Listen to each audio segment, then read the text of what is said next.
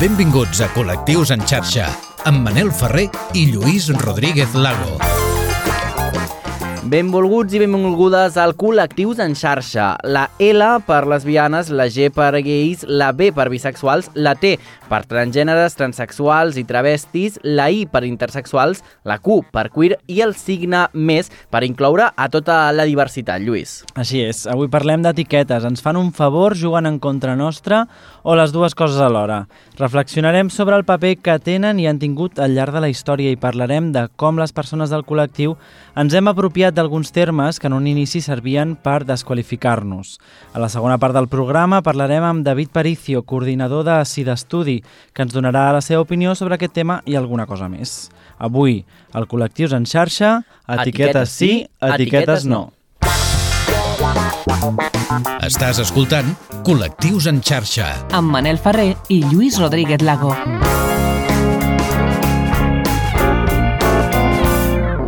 Les etiquetes abunden a la comunitat LGTBIQ i més. Sembla que sempre hi ha nous termes per aprendre. Bisexual, asexual, tenim deures, Lluís, Sí, també, tant, eh, amb aquests conceptes. Les sigles LGBT, la, molt que ens van quedar, vaja, se'ns van quedar curtes i després de diverses variacions sembla que ens quedem de moment amb LGBTIQ amb un signe més al final per englobar a la resta d'identitats i orientacions. Així és, avui al Col·lectius en xarxa parlarem d'etiquetes, del servei que ens han fet al llarg de la història, però també del perill del fet que es converteixin en cotilles o camises de força que finalment excloguin tot allò que no entra en una definició massa estricta.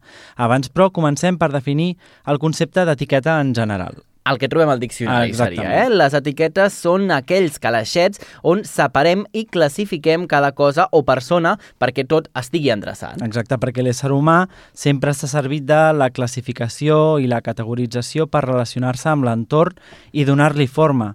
Definim les persones o les coses que ens envolten a partir del que són, però també del que no són, no? I podem entrar en conflicte quan ens costa decidir on va cada cosa perquè podria encaixar en diverses d'aquestes caixetes de les que parlàvem abans. Exacte. Al veure una persona, per exemple, rebem molta informació sobre ella i el cervell necessita minimitzar l'esforç i generalitzar. En aquest moment acostumem a crear estereotips ràpidament perquè això ens fa, diguem-ho així, la vida més fàcil. Mhm.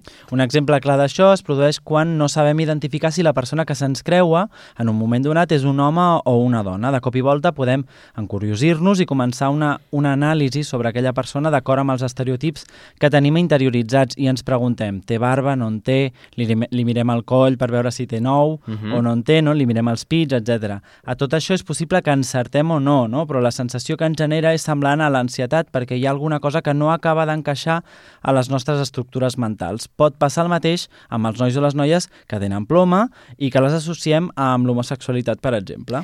L'ús d'etiquetes és eh, reduccionista, això és evident, i viure en un món lliure d'aquestes és un ideal noble i hauria de marcar el camí de tots, no? Mhm. Però actualment encara hi ha molts països on la dissidència sexual i afectiva està castigada amb penes de presó o fins i tot de mort, ho hem parlat també Mhm, alguna vegada. mhm. Així doncs, per què necessitem aquestes etiquetes? Lluís, continuem. Perquè els pols oposats també s'atreuen. Escolta col·lectius en xarxa. El col·lectiu LGTBIQ+, ha fet un exercici al llarg de la història d'apropiació de termes que en un inici eren usats per desqualificar i insultar i que han acabat per transformar-se en termes identitaris i propis.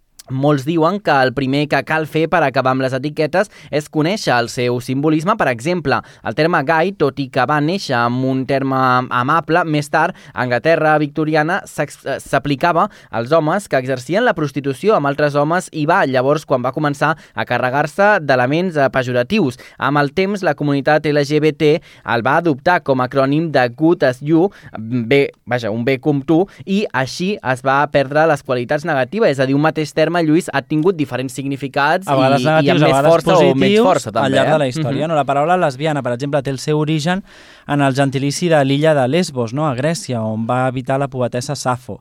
Els pocs escrits que es, va, que es conserven d'ella tenen com a temàtica principal les dones i la seva bellesa. El sentit modern de la paraula es genera a la literatura francesa i se substituïa a vegades per sàfica i posteriorment al segle XX alguns sexòlegs, sexòlegs van descriure el lesbianisme com un tipus de bogeria femenina que s'havia de curar. Va ser llavors quan va adquirir aquestes connotacions més negatives. Queer vol dir estrany en anglès. Al segle XIX era un insult adreçat a les persones homosexuals, però a finals als 80, activistes a favor dels drets de la comunitat LGBTIQI+, li van donar la volta i es va apropiar de la paraula. Avui dia fa referència a aquelles persones que volen viure lliurement sense etiquetes, sense amagar-se i sense ser discriminades per aquest fet. D'aquí entenc, Lluís, que uh, ve aquest queer i més, no? I més, exacte. D'aquest repàs històric que hem fet pel significat que han anat adquirint aquestes paraules es desprèn aquest concepte del que parlaven fa una estona, no? l'apropiació o la reapropiació, és a dir, com d'un insult o d'una feblesa del col·lectiu eh, el col·lectiu mateix ha après a reivindicar, a fer-se a fer la bandera. No? Uh -huh. L'apropiació, a banda de ser una forma enginyosa de desmuntar l'interlocutor, es converteix en un acte de reivindicació política.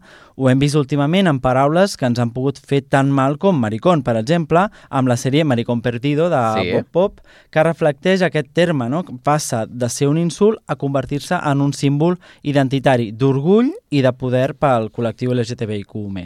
Al final, quan quan ens etiquetem ens estem mostrant, estem donant a conèixer la realitat de les nostres vides i estem dotant de significat allò que som, posicionant-nos a l'agenda política i social i estem fent entrar en conflicte certes estructures mentals que fins al moment classificaven el món d'una manera més reduccionista o simple, com dèiem al principi, no? Mm -hmm. uh, D'altra banda, l'etiqueta ens col·lectivitza i ens ajuda en la lluita per l'assoliment de drets i ens ensenya que hi ha gent, més gent com nosaltres, no? Que si mm -hmm. obrim la porta, doncs segurament trobarem més iguals no, perquè iguals, també és un altre debat no, si tots som iguals o tots som diferents o si ens assemblem, no? Però sí que hi ha gent que podríem trobar afinitats amb ells. Exacte. En el programa anterior parlàvem de la importància del llenguatge i de com aquest s'introdueix en la nostra construcció de la realitat i avui porto dues cites interessants que ens poden ajudar a desenvolupar el tema de les etiquetes. La primera és del filòsof i escriptor eh, George Steiner, que deia «El que no té nom no existeix» que penso que la podem aplicar a moltes de les coses de les que hem parlat en aquest programa, no? la relació del col·lectiu amb l'esport d'elit, el totis del que parlàvem sí. en el programa anterior, no? per anomenar les persones que no se senten identificades amb el gènere masculí o femení. La segona és de l'escriptor de la saga de Joc de Trons, eh, George R. R. Martin, no? que en el primer volum d'aquesta saga fa dir això a un dels personatges que està parlant a Jon Snow, que recordem que Jon Snow era sí. el fill bastard i per això té aquest cognom de Snow. No? Uh -huh. Li, eh, el personatge li deia a Jon Snow «Mai oblidis el que ets perquè, sens dubte, el món no oblidarà.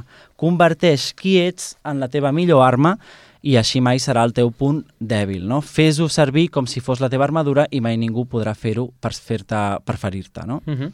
Però quan les etiquetes de les quals estem parlant en el programa d'avui són un problema, perquè quan també passa problema, quan exacte. són un problema. Doncs l'etiqueta és un problema si la pretensió que té és la d'encotillar un significat fins al punt de resultar excloent i una mica castrant. També quan l'etiqueta pretén ser reduccionista del significat d'alguna cosa. No? Okay. És com les paraules. Una paraula pot eh, tenir un significat bonic o amable, però també, com es faci servir aquesta paraula, li pot donar la volta al mitjó. Ah, també, exactament, eh? igual les etiquetes. Per exemple, fa un temps vaig anar a una conferència en el que, en el torn de preguntes, una noia molt jove ens deia que no se sentia del tot una dona perquè no era prou femenina, no? i perquè no feia servir vestits i vestia amb roba ampla. En aquest cas, l'etiqueta juga en contra, perquè restringeix tant el concepte de ser dona, no? l'associa tant uh mhm. -huh. amb els vestits, amb la feminitat, que acaba excloent un tipus de dona que no és tan femenina no o no fa servir per vestits. decisió pròpia, no? Exacte, sí, sí. A vegades, quan parlem de diluir el gènere, justament parlem d'això, no? de no ser tan categòrics amb les classificacions i amb les etiquetes, perquè al final es poden convertir en una arma contra el mateix individu i podríem obrir melons més complicats, com el fet de que no cal classificar, a veure què en penses, sí? com a homosexuals o bisexuals, per exemple, els homes que tenen sexe amb altres homes. Aquesta és bona, i de fet d'aquí n'hem tret algun debat sí, també sobre aquest tema i ens agradaria de fet parlar-ne'n també, eh? és en un tema que sí. ens el guardem. Un altre cas en el qual les etiquetes no ens ajuden, que té molta relació amb el punt anterior, és que les fem servir per classificar, per exemple, qui és millor homosexual i qui és pitjor homosexual. Això, tremendo, eh? És molt fort, eh? Una pràctica que és més habitual del que ens pensem i que torna a posar de manifest que quan transformem l'etiqueta en una cotilla del que és o no sé, eh, o de d'aquesta categoria eh, ens va en contra. Si reduïm el que vol dir ser homosexual a ser superfan d'una diva pop, ten, tenir sempre eh, ganes de festa o tenir un ganes de sortir eh, de l'armari que pot ser traumàtic, que ens estem perdent un tant per cent molt elevat del que és ser homosexual. Uh -huh. Al final les persones són com un prisma no? amb moltes cares i tot i que la condició afectivo-sexual és identitària, no és ni molt menys el mapa complet i definitori de cada persona. Clar. Exacte, l'escriptora nigeriana Chimamanda Ngozi eh, diu que el problema dels estereotips no és que no siguin certs, és que estan incomplets. No? Les lesbianes o els gais som homosexuals, però també som fills, amics, escriptors, metges, etc. Tenim, com qualsevol, virtuts i defectes que amplien encara més el ventall de característiques que ens defineixen. Uh -huh. D'altra banda, també hauríem d'estar preparats perquè la classificació sigui més fluida del que ara per ara ens pensem. De fet, penso que en les properes generacions, o en les, en les generacions que pugen, la cosa està agafant aquest tarannà.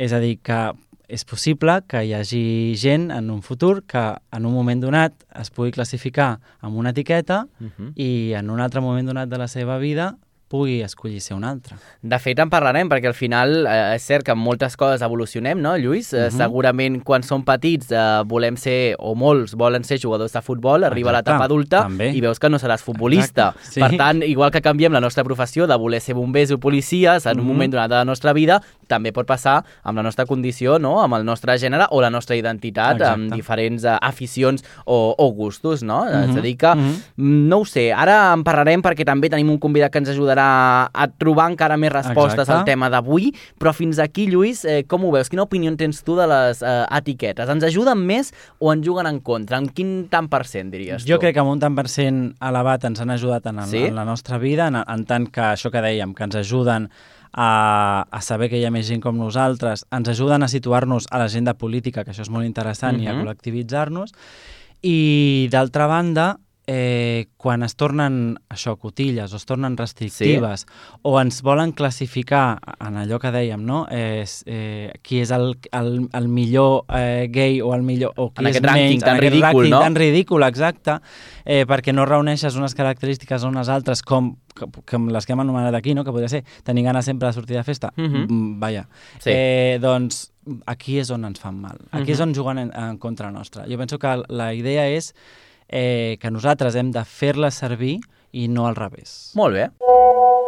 Hola, doncs avui us volia compartir una que, que ens ha sorprès molt i és que bueno, vam decidir fer el Camí de Santiago durant aquest, aquest final de vacances i doncs ens hem trobat que en molts poblets petits al llarg del camí, que us podeu imaginar, no?, que són petites aldees, doncs trobàvem molts signes de, del tema LGTBI, doncs banderes o bancs pintats o passos de zebra pintats o inclús bars doncs, que tenien algun, algun ornament que feia referència i ens ha resultat molt interessant, no? perquè quan t'hi adinses en aquest tipus de, de pobles petits o més apartats, no? sembla que, que, que aquesta temàtica sigui més habitual a les grans ciutats, on hi ha més, més gent de tot tipus, no? i es veu una mica de tot, i que en canvi quan ens anem allunyant d'aquest tipus de zones doncs que es complica. I en canvi doncs, ens ha sorprès molt positivament que en aquest tipus de llocs doncs, també s'estava lluitant per aquesta igualtat.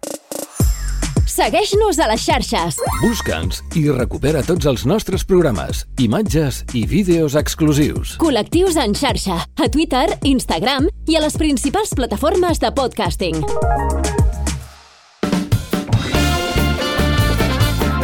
I avui tenim al programa en David Paricio, professor associat de la Universitat de Barcelona, coordinador i responsable del Departament de Formació i Prevenció en VIH-Sida i coordinador del programa de voluntariat de Sida Estudi. Què tal, David? Hola, bones. Hola, escolta, mira, eh, et, et volem preguntar sobre aquest tema de les etiquetes que hem estat parlant, eh, parlant eh, avui en el programa.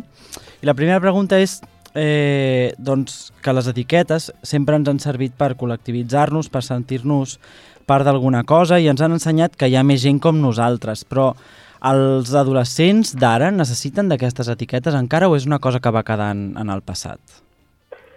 Bueno, mira, no, no, no, no sé si tinc la resposta. Eh? La pregunta és mhm. complicada mm -hmm. perquè sempre és complicat parlar dels adolescents, les adolescents, com si fossin un únic bloc. Exacte. A mi, des de la meva experiència, el que em sembla molt interessant amb aquest tema de les etiquetes que esteu plantejant és que, sobretot, els adolescents les coneixen. Mm? Les coneixen millor que abans fa molts anys que treballo temes d'educació sexual amb joves, les coneixen millor que abans i, i, i a vegades millor que nosaltres o que jo mateix, eh, quan fem tallers, perquè és un llenguatge amb el qual s'han abassat.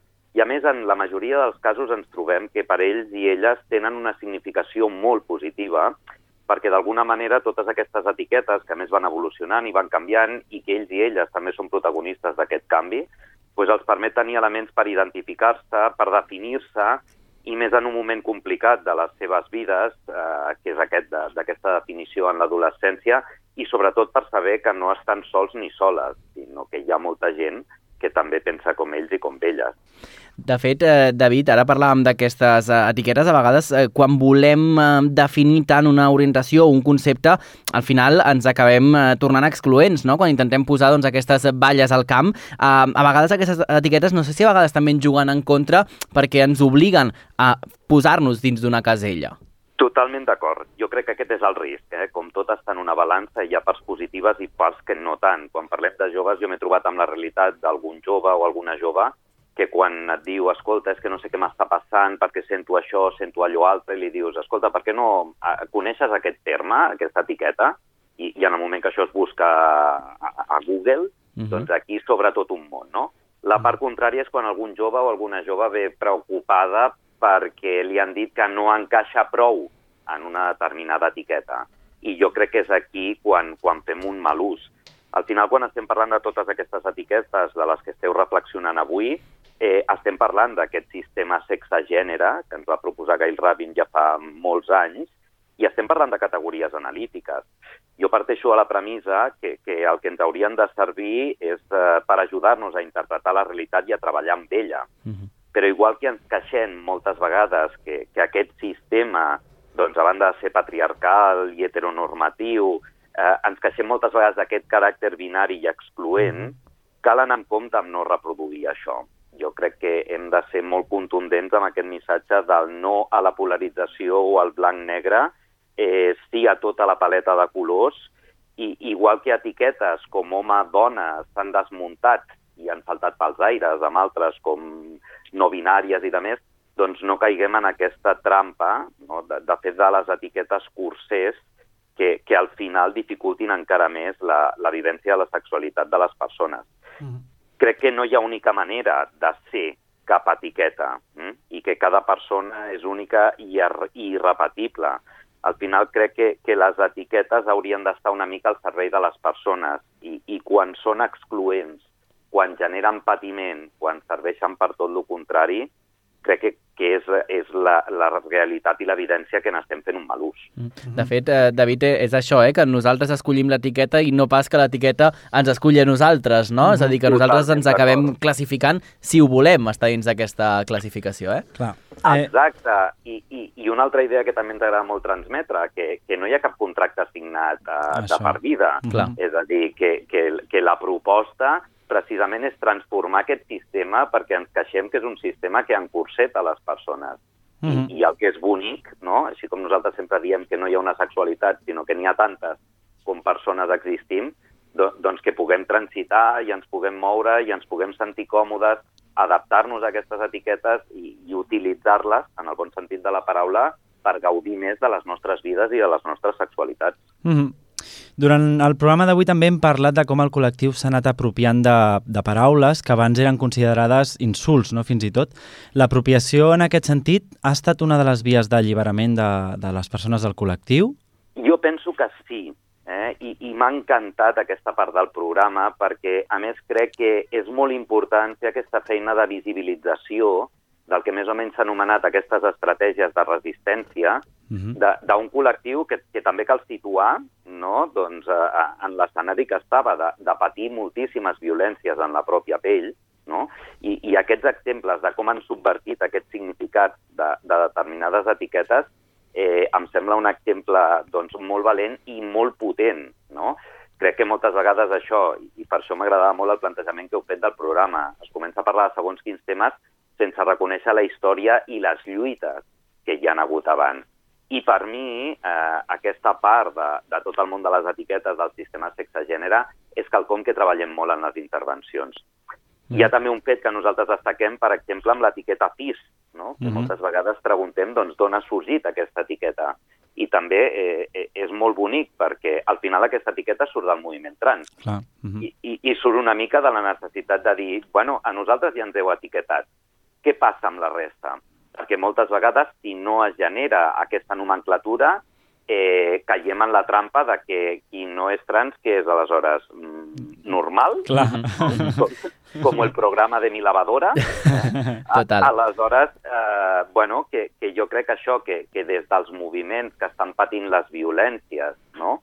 de- d'aquest sistema injust, eh, el, el, el reivindicar el com s'ha donat lloc a aquestes etiquetes i la història que tenen darrere, eh, em sembla una manera molt bonica també de veure, aleshores, el que estàvem dient abans, que, que la proposta no, no és que ens encursetin ni ens limitin, eh? Mhm. sinó que han de ser nomenclatures alliberadores que, que ens permetin identificar-nos i viure més lliures, en definitiva. De fet, eh, d'aquesta reflexió que ara ens feies en el programa anterior, que de fet parlàvem sobre el llenguatge inclusiu, que a més eh, aprofitem per aprofitar Sí. eh, que la gent doncs, l'escolti, si Mhm. volen, o, o el cerquil, eh, penses que l'ús del masculí genèric i que associa amb ell eh, tot allò universal i que ens inclou a totes i a tots és un concepte revisable? Perquè una lingüista ens deia que sí i l'altra veia, vaja, tancava portes i deia que és eh, molt complicat, no? Uh, quina opinió en tens? Creus que es pot revisar i podem eh, arribar a un acord potser que ens obri més les portes a tots i a totes?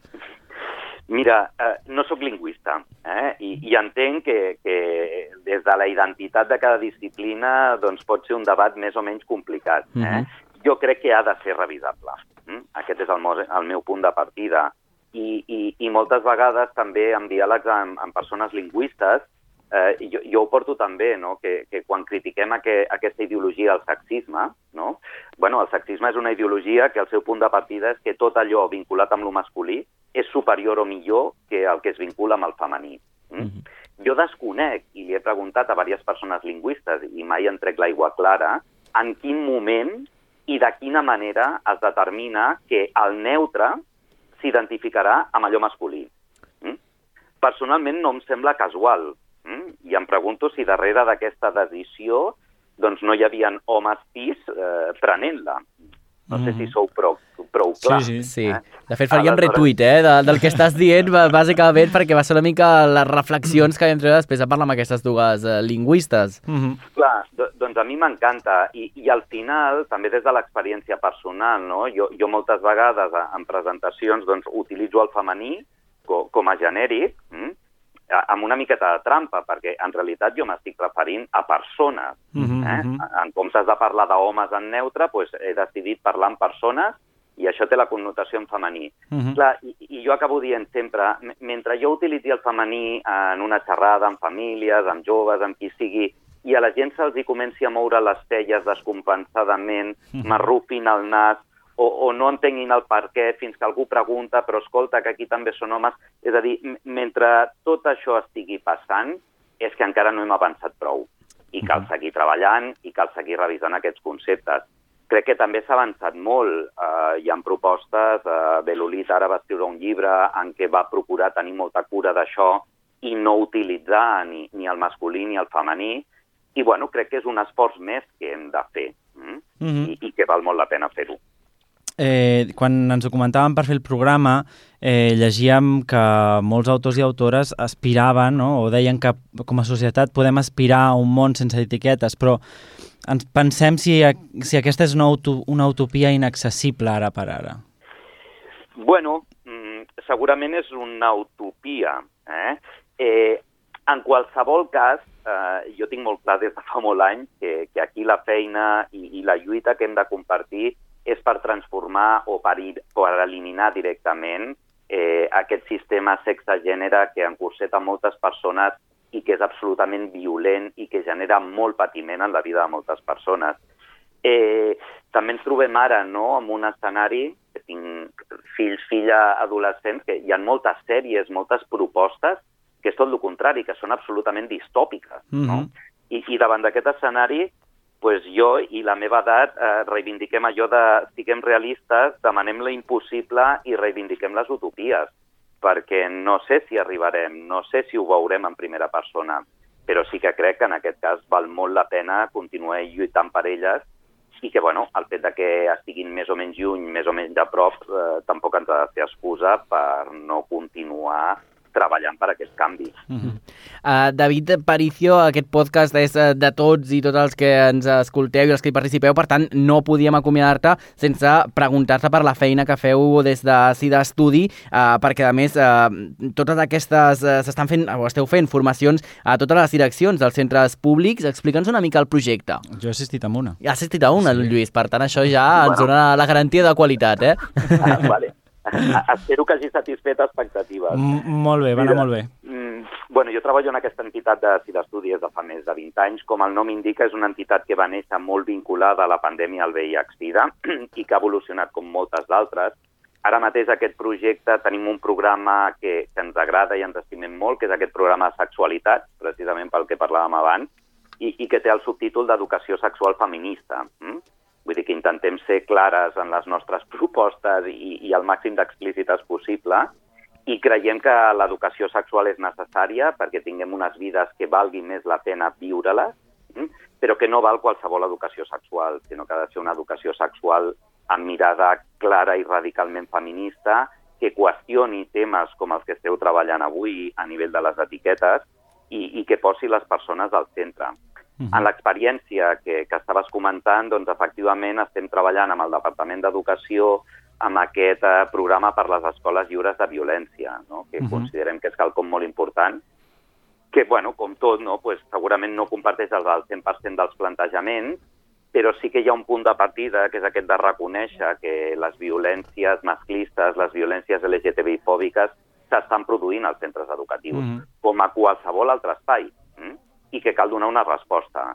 I en aquest sentit el que intentem aportar pues, és uh, la nostra mirada, que com deia és uh, una mirada de l'educació sexual radicalment feminista i que sobretot, sobretot, i vinculat amb la temàtica que avui esteu treballant, el que pretén és posar les diversitats al centre, mm? uh -huh. que considerem que és d'on no haurien d'haver sortit mai. Encara ens trobem nosaltres en alguna escola que ens demana que fem un taller per treballar no sé quina etiqueta. Yeah. Eh? I aquí la nostra resposta és, bueno, nosaltres això no ho fem. Nosaltres treballem en la sexualitat de les persones, posant el plaer de la sexualitat al centre i treballant amb tota la diversitat. Eh? No, mm -hmm. no fem mm -hmm. intervencions especialitzades per segons quin tipus d'etiquetes. I doncs... aquesta és l'experiència que tenim. Moltes gràcies, David Paricio, per uh, estar amb nosaltres avui al Col·lectius en xarxa, per, ser, per explicar-te també i per contestar totes les nostres preguntes. Fins la propera. Doncs moltes gràcies a vosaltres, col·lectiu en xarxa. Que vagi molt bé. Gràcies, que vagi molt Salut bé. I petons. I petons també per tu. Marxem amb música, va, Lluís. Sí, marxem amb un grup que, que he descobert fa poc, però és que m'agrada molt. Es diu Trashy, la cançó es diu Ja no, és un grup format per en Sergio, la Maria, la Luz i en Luis, que fa un pop, un pop íntim, senzill, que parla de les coses quotidianes davant del fingiment i el deure de destacar que a vegades semblen imposar les xarxes socials. No ets tu el Lluís, no? No, ja no, no, no, no ets tu. Perfecte. No. Doncs gràcies, Lluís Rodríguez Lago, a les vies de so, en Carles Soler, jo mateix, Manel Ferrer. Ens retrobem la propera setmana a la teva ràdio local i en format podcast. Adeu. Adeu. Sabías y ya es tarde, sé que todo lo hacías por ti y ya no, ya no vale baby y me querías pa' ti pa' siempre yo no hacía nada más que verte. Niña yo tuve que alejarme para saber que ya demasiado tarde